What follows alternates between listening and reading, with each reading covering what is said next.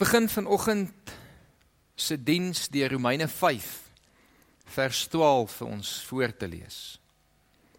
Deur een mens het die sonde in die wêreld gekom en deur die sonde die dood. En so het die dood tot al die mense deurgedring omdat almal gesondig het. Ek lees dit weer. Deur een mens het die sonde in die wêreld gekom en deur die sonde die dood. En so het die dood tot al die mense deurgedring omdat almal gesondig het.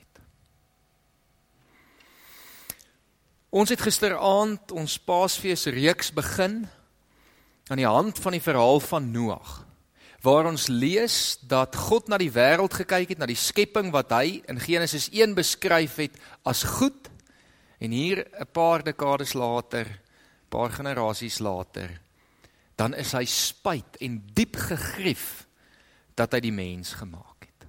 Hy kyk na die mens se lewens en dan sê hy dit is vrot. Dis 'n interessante beskrywing wat ons lees in Genesis 6. En dan besluit hy om die straf wat die mens verdien op die aarde mee te bring. Naamlik so erge vloed dat almal vernietig sal word. Maar dan sien hy uiteindelik vir Noag. Noag wat op 'n manier nog opreg is en hom probeer dien. En dan besluit hy, hy sal 'n verbond met Noag sluit. Hy gaan Noag en Noag se familie nog 'n kans gee sodat die mens nie totaal en al vernietig sal word nie. En dan kry ons hierdie ongelooflike bonus dat omdat die mens bly lewe, die Here dan ook 'n klomp diere se lewens spaar en die kans vir die skepping om wel voort te gaan wel nog bestaan. daarmee saam met ons gisterand besef dat waarskynlik sit ons in dieselfde situasie as in die dae van Noag. En waarskynlik tot 'n mate nog erger. Ons het 'n bietjie statistiek gesien van wat op die oomblik in ons wêreld aan die gebeur is en hoe die mens ons skepping, die aarde besig is om dit te vernietig.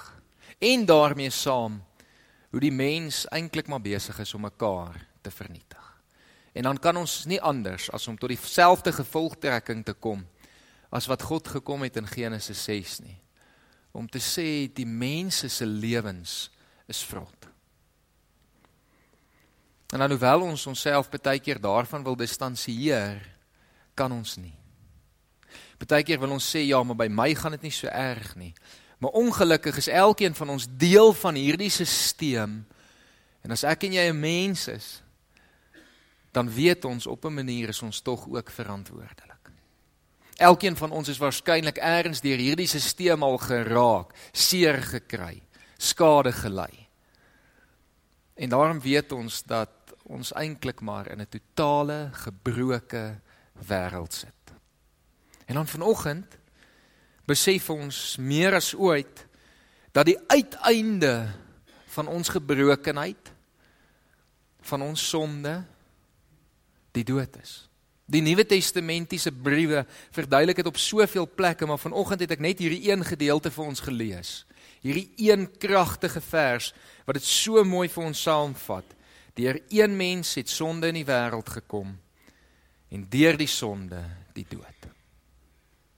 Dit is waartoe ek en jy elkeen bestem is, want so het die dood tot al die mense deurgedring. En dis 'n realiteit wat ek en jy in die gesig staar. Partykeer meer realisties as ander keer. En die rede omdat almal gesondig het. Elkeen van ons staan skuldig. En vanoggend gaan ons verder op hierdie gedagte in wanneer ons hierdie straf wat Noag se mense moes ontvang, die wêreld ontvang het en eintlik die straf is wat op my en jou ook lê. En ons lees dit vanoggend in Genesis 7. Julle is welkom om daar saam met my oop te maak. Ons gaan uh, die hele hoofstuk 7 saam lees. Dit gaan ook op die bord verskyn so julle kan dit daar ook volg. Genesis 7 vanaf vers 1. Toe sê die Here vir Noag: Jy en jou hele gesin moet in die ark ingaan. Ek het jou gesien en onder hierdie geslag bevind ek jou regverdig. Van al die rein diere moet jy sewe pare, manlik en vroulik saamvat en van al die onrein diere net een paar, manlik en vroulik. Ook uit die voëls moet jy sewe pare, mannetjies en wyfies saamvat. Dit moet jy doen om al die soorte op die hele aarde aan die lewe te laat bly. Oor 7 dae sal ek dit 40 dae en nagte lank laat reën en alles wat leef wat ek gemaak het wegvee van die aarde af. Noag het alles gedoen soos die Here hom beveel het. Noag was 600 jaar toe die vloedwaters oor die aarde gekom het. Noag en sy seuns en sy vrou en sy skoondogters het in die ark ingegaan vir die vloedwaters. Die rein en die onrein diere, die voëls en die diere wat kruip, het in pare, manlik en vroulik, na Noag toe in die ark gekom, soos God vir Noag gesê het. Op die sewende dag het die vloedwaardes waters oor die aarde gekom. Presies op die 17de dag van die tweede maand van die 600ste jaar van Noag het die fonteine van die groot waters oopgebreek. Die vensters van die hemel is oopgemaak sodat daar 'n stortreën op die aarde geval het 40 dae en 40 nagte lank. Dit was die dag waarop Noag en sy seuns Sem, Gam en Jafet en sy vrou en sy drie skoondogters almal saam in die ark ingegaan het. Hulle en elke soorte wilde dier en makdier en al die soorte diere wat kruip en elke soort voël alles wat vlieg het ingegaan. Van al wat leef het daar pare pare na Noag toe in die ark gekom. Hulle het ingekom, manlik en vroulik, soos God vir Noag gesê het. En toe het die Here die ark agter Noag toegesluit. Die oorstroming het oor die aarde gekom 40 dae lank en die water het al hoe meer geword. Dit het die ark opgelig en die ark begin het begin opstyg bo kan die aarde. Maar die waters het nog meer en nog sterker geword op die aarde en die ark het op die waters begin dryf. Die waters op die aarde het nog meer en meer geword sodat hulle al die hoë berge wat daar onder die hemel is bedek het. Die water het amper 7 meter bo kan die berge gestyg en dit bedek. Al wat op die aarde geleef het, het omgekom. Diere wat kruip, voëls, makdiere, wilde diere, ja, alles wat op die aarde wemel, ook al die mense. Alles wat die lewensasem in die neus gehad het, alles wat op land geleef het, is dood. So het God alles wat uit op die aarde geleef het, uitgewis, mens en dier, ook die wat kruip en die voëls. Hulle almal is weggevee van die aarde af. Net Noag en die by hom in die ark is gespaar. Die water het die aarde 150 dae lank oorstroom. Verbeel jou gou vir 'n oomblik Jy sit in die ark. Jy hoor hoe liggame teen die ark slaan. Jy hoor mense se geskree van desperaatheid, die wat nog op die laaste toppe van die berge kon kom. Ek het na hierdie toneel gekyk en Jesus se woorde is 'n beskrywing van die hel het by my opgekom dat daar 'n geween en 'n geknars van tande sal wees. Verbeel jou vanoggend 'n klein bietjie verder en besef dat jy's nie veronderstel om in die ark te sit nie. Jy's veronderstel om buite te wees. Te skree. En uiteindelik te verdrink in die sonde.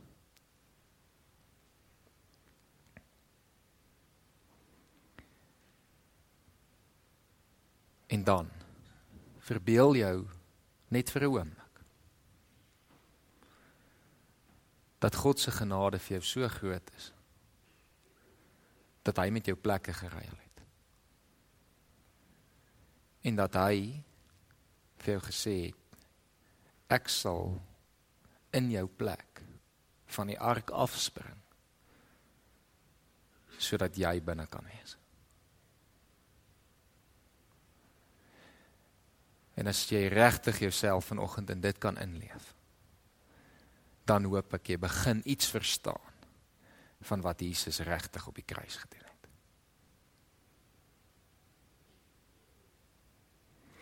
Argeoloë is besig um, om te probeer bewys dat die vloed regtig reg oor die hele aarde was. En dit is ongelooflik interessante navorsing waarvan ek nie alles volledig verstaan nie. Ek het nie aardrykskunde gehad nie, ek het nie al die geologie en al daai tipe vakke gedoen nie.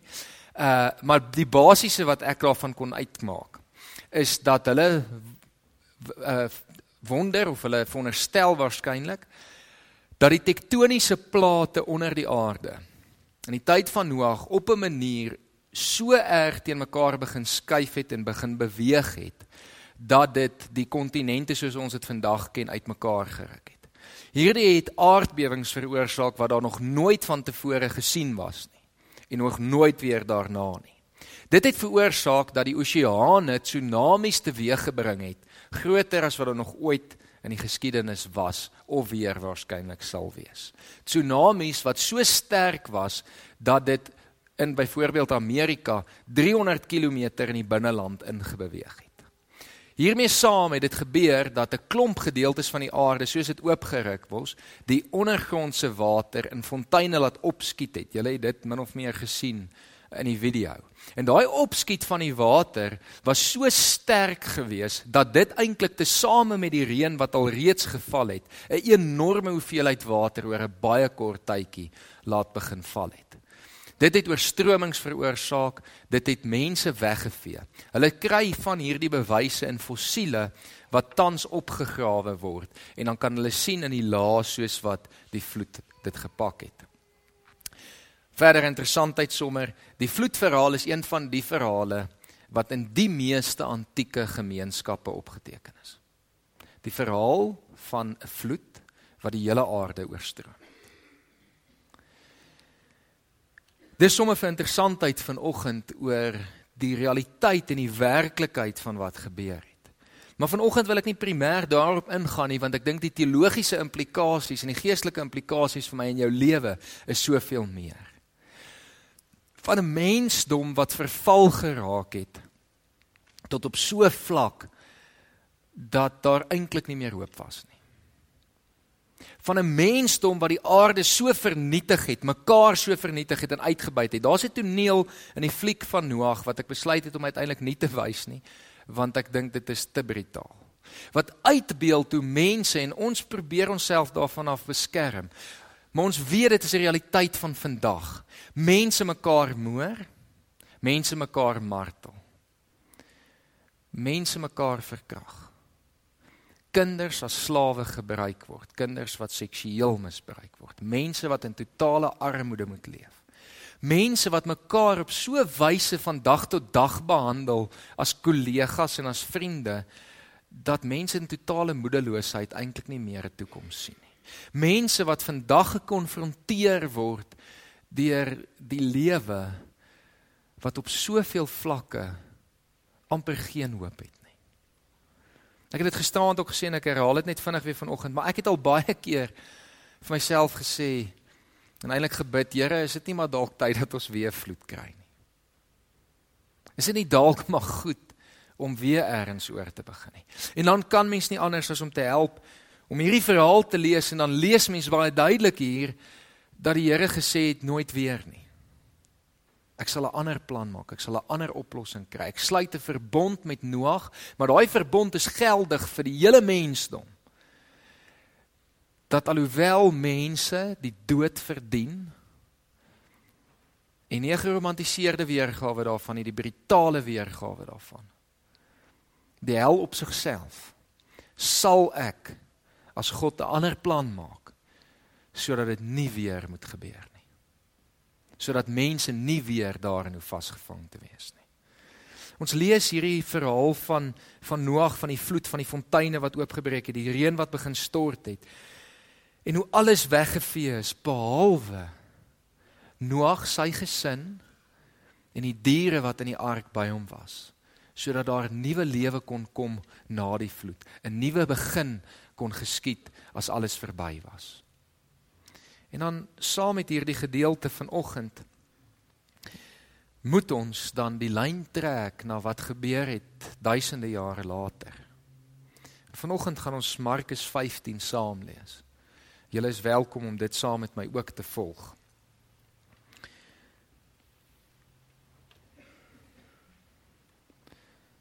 Ons lees die hele hoofstuk. Die môre vroeg het die priesterhoofde saam met die familiehoofde en die skrifgeleerdes dadelik as volle Joodse raad 'n vergadering gehou.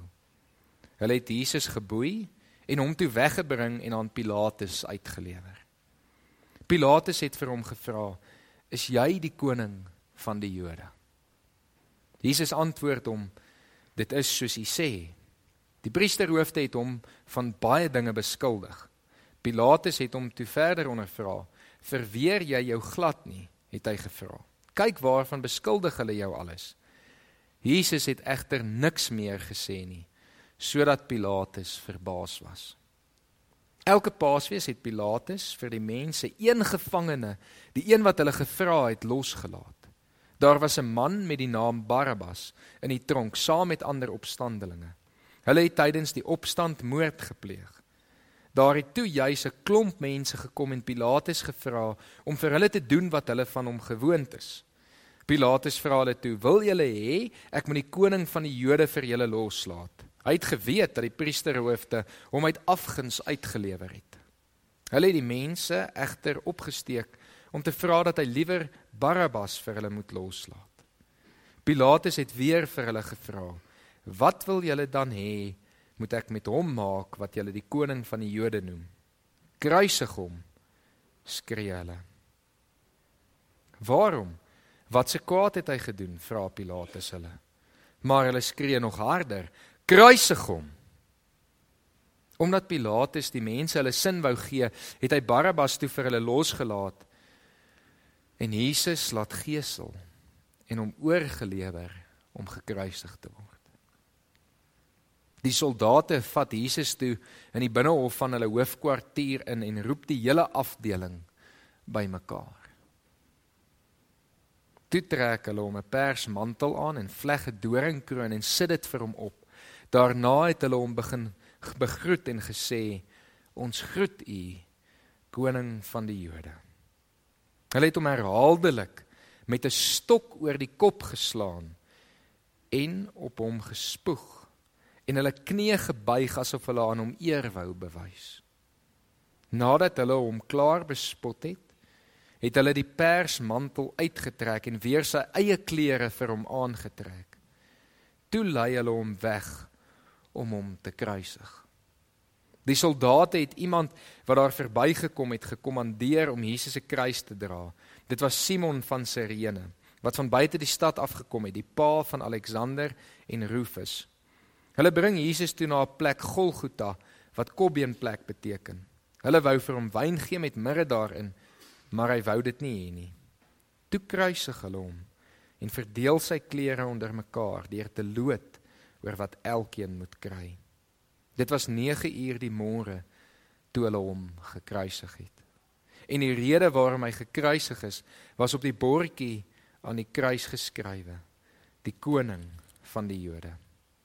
Saam met hom het hulle ook twee rowers gekruisig, een regs en een links van hom. Die mense wat daar verbygeloop het, het Jesus gelaster. Hulle het die kop geskud en gesê: "Toe, jy wat die tempel afbreek en in 3 dae weer opbou, Red jouself en kom van die kruis af. Net so het die priesterhoofde en die skrifgeleerdes ook spottend vir mekaar gesê. Ander het hy gered, homself kan hy nie red nie. Laat die Christus, die koning van Israel, nou van die kruis afkom sodat ons dit kan sien en in hom kan glo. Die twee wat saam met hom gekruisig is, het hom ook beledig. Teen 12:00 die middag het daar duisternis oor die hele land gekom. En dit het tot 3 uur geduur. Om 3 uur het Jesus hard uitgeroep: Eloi, Eloi, lema sabachthani. Dit beteken my God, my God, waarom het U my verlaat? Toe party van die mense wat daar naby gestaan het dit gehoor het, sê hulle: Hoor daar, hy roep vir Elia. Een van hulle het toe gehardloop, 'n spons en suur wyn gesteek en dit vir hom op 'n stok gehou om te drink. Hy het gesê: "Wag, kom ons kyk of Elia hom van die kruis kom afhaal." Daarna het Jesus hard uitgeroep en die laaste asem uitgeblaas. Die voorhangsel in die tempel het van bo tot onder middeldeur geskeur. Toe die offisier wat reg voor Jesus gestaan het, om die laaste asem so sien uitblaas, het hy gesê: "Hierdie man was werklik die seun van God." Daar het ook vroue op 'n afstand gestaan en kyk. Onder hulle was Maria Magdalena en Maria die moeder van klein Jakobus en Joses en Salome. Toe Jesus nog in Galilea was, het hulle oral saam met hom gegaan en hom versorg. Baie ander vroue wat saam met hom na Jerusalem toe gekom het, was ook daar. Dit was Vrydag. Dit is die dag voor die Sabbatdag. En dit was al die middag laat. Josef van Arimatea, 'n vooraanstaande lid van die Joodse Raad en iemand wat self ook uitgesien het na die koms van die koninkryk van God, kom toe daaraan. Hy het dit gewaag om na Pilatus toe te gaan en die liggaam van Jesus te vra. Pilatus was verbaas om te hoor dat hy al dood is. Hy het die offisier laat roep en hom gevra of Jesus lankal gesterwe het. Toe hy van die offisier verneem dat dit wel so is, het hy die lijk vir Josef gegee. Josef het 'n stuk linne gekoop, Jesus van die kruis gaan afhaal, hom in die linne toegedraai en neergelê in 'n graf wat in die rots uitgekap was. Hy het 'n klip voor die ingang van die graf gerol. Maria Magdalena en Maria die moeder van Josef het gestaan en kyk waar hy neergelê word. Verbeel jou jy's Barabbas. Jy sit in die tronk. Jy weet jy's skuldig. Jy weet die straf wat jy verdien is die doodstraf. En dan kom Jesus en hy sluit jou oop. En hy sê vir jou gaan. Ek sal in jou plek die straf ontvang. Wat is jou reaksie hierop? Wat veroorsaak? Wat is binne in jou besig om te gebeur? Wat voel jy? Wat ervaar jy? Wat dink jy? En die belangrikste van alles, wat doen jy? Ek is baie bekommerd dat ons op die oomblik in 'n tyd lewe waar ons afgestomp geraak het vir eintlik maar alles maar op 'n baie slegte en besonderse manier afgestomp geraak het vir hierdie storie, vir hierdie gebeurtenis van Goeie Vrydag. Ons hoor dit vandat ons klein is. Ons ken dit nou al vir hoeveel jare? En dit kan so maklik gebeur dat ek en jy vanoggend hier is en ons dink, "O ja, ja, Jesus het vir my gesterf." Dis nice. Dis oulik stap jy uit en ons vergeet heeltemal daarvan. Ons stap hier uit en ons lewens lyk nie anders nie. Ons stap hier uit asof ons dit verdien om vrygelaat te wees. Ons stap hier uit in 'n sekere hoogmoedige sin en gaan veroordeel ander. Ons stap hier uit en ons dink maar ek is ek is nogal nie te sleg nie. As jy hierdie verhaal vanoggend hoor, te same met Noag se totale gebrokenheid en vernietiging. En jy besef nie dat dit is eintlik wat in jou lewe moes gebeur het nie. Dan moet jy baie baie mooi en baie hard hierdie naweek gaan nadink oor wat verkeerd is dat dit nie 'n reaksie by jou ontlok van dankbaarheid. Van Here, ek kan nie anders as om vir U te begin lewe nie. 'n Reaksie waar jy sê ek kan nie meer anders as om te probeer om sy wil te doen nie. Ek kan nie meer anders as om te weet ek sou nie hier gewees het as dit nie vir hom was nie. besef ons nog regtig die implikasies van wat Jesus hier gedoen het.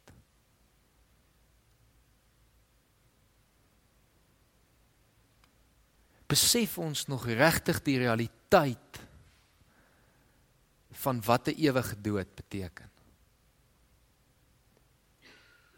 Van wat dit beteken vir Jesus om hier geslaan te gewees het, gemartel te gewees het, bespot te gewees het. Uiteindelik vas gespijker aan 'n kruis te hang. Nie omdat hy dit verdien. Maar omdat hy vir jou so lief is dat hy nie wil hê jy moet dit doen nie. Dat hy nie wil hê jy moet dit oorkom nie.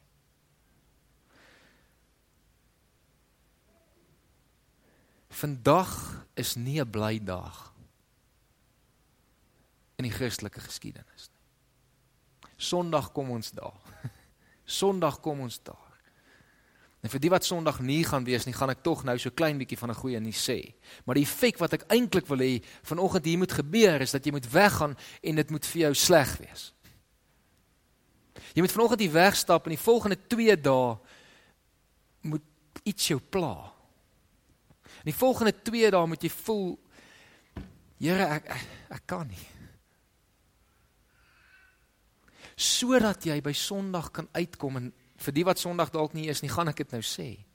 Sodat jy die goeie nuus kan belewe van Jesus wat opgestaan het. Sodat jy kan lewe. Van die water wat weer begin sak en nuwe lewe wat begin uitsprei van 'n ark wat oopgemaak word sodat ons kan uitgaan en die taak wat aan ons opgedra is kan gaan uitvoer om na hierdie skepping en na mekaar om te sien. Maar voor ons daar gaan kom, voor ons by die goeie nuus gaan kom, moet jy hierdie volgende 2 dae gaan worstel met wat Jesus gedoen het. En jy moet vir jouself gaan afvra, wat gaan my reaksie hierop wees? Wat gaan my reaksie hierop wees? Kom ons bid saam.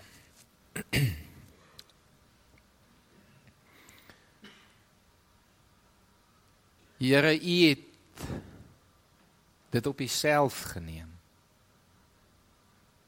om mens te word, om verneder te word, gehoorsaam tot aan die einde aan die kruis. Here, ons wil nie hê dit moet vanoggend maar net weer 'n keer wees wat ons dit hoor nie. Ons wil nie hê dit moet maar nooit nog 'n keer wees wat dit by ons verbygaan nie. En Here, daarom kom ons vandag en ons kom sê dankie. Dankie dat U bereid was om in ons plek te sterf. Dankie dat U bereid was om die straf te dra.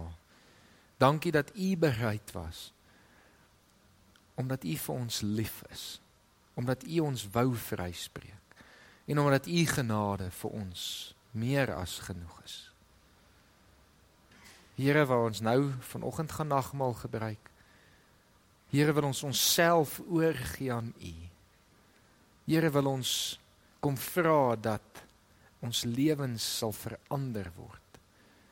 Here dat wanneer ons hier weggaan, U deur die Gees in ons sal inspreek en ons sal wys wat moet in ons lewens ander verander. Here, dankie dat U hierdie tekens ook vir ons gegee het sodat ons kan weet wat U gedoen het. Oh, Amen.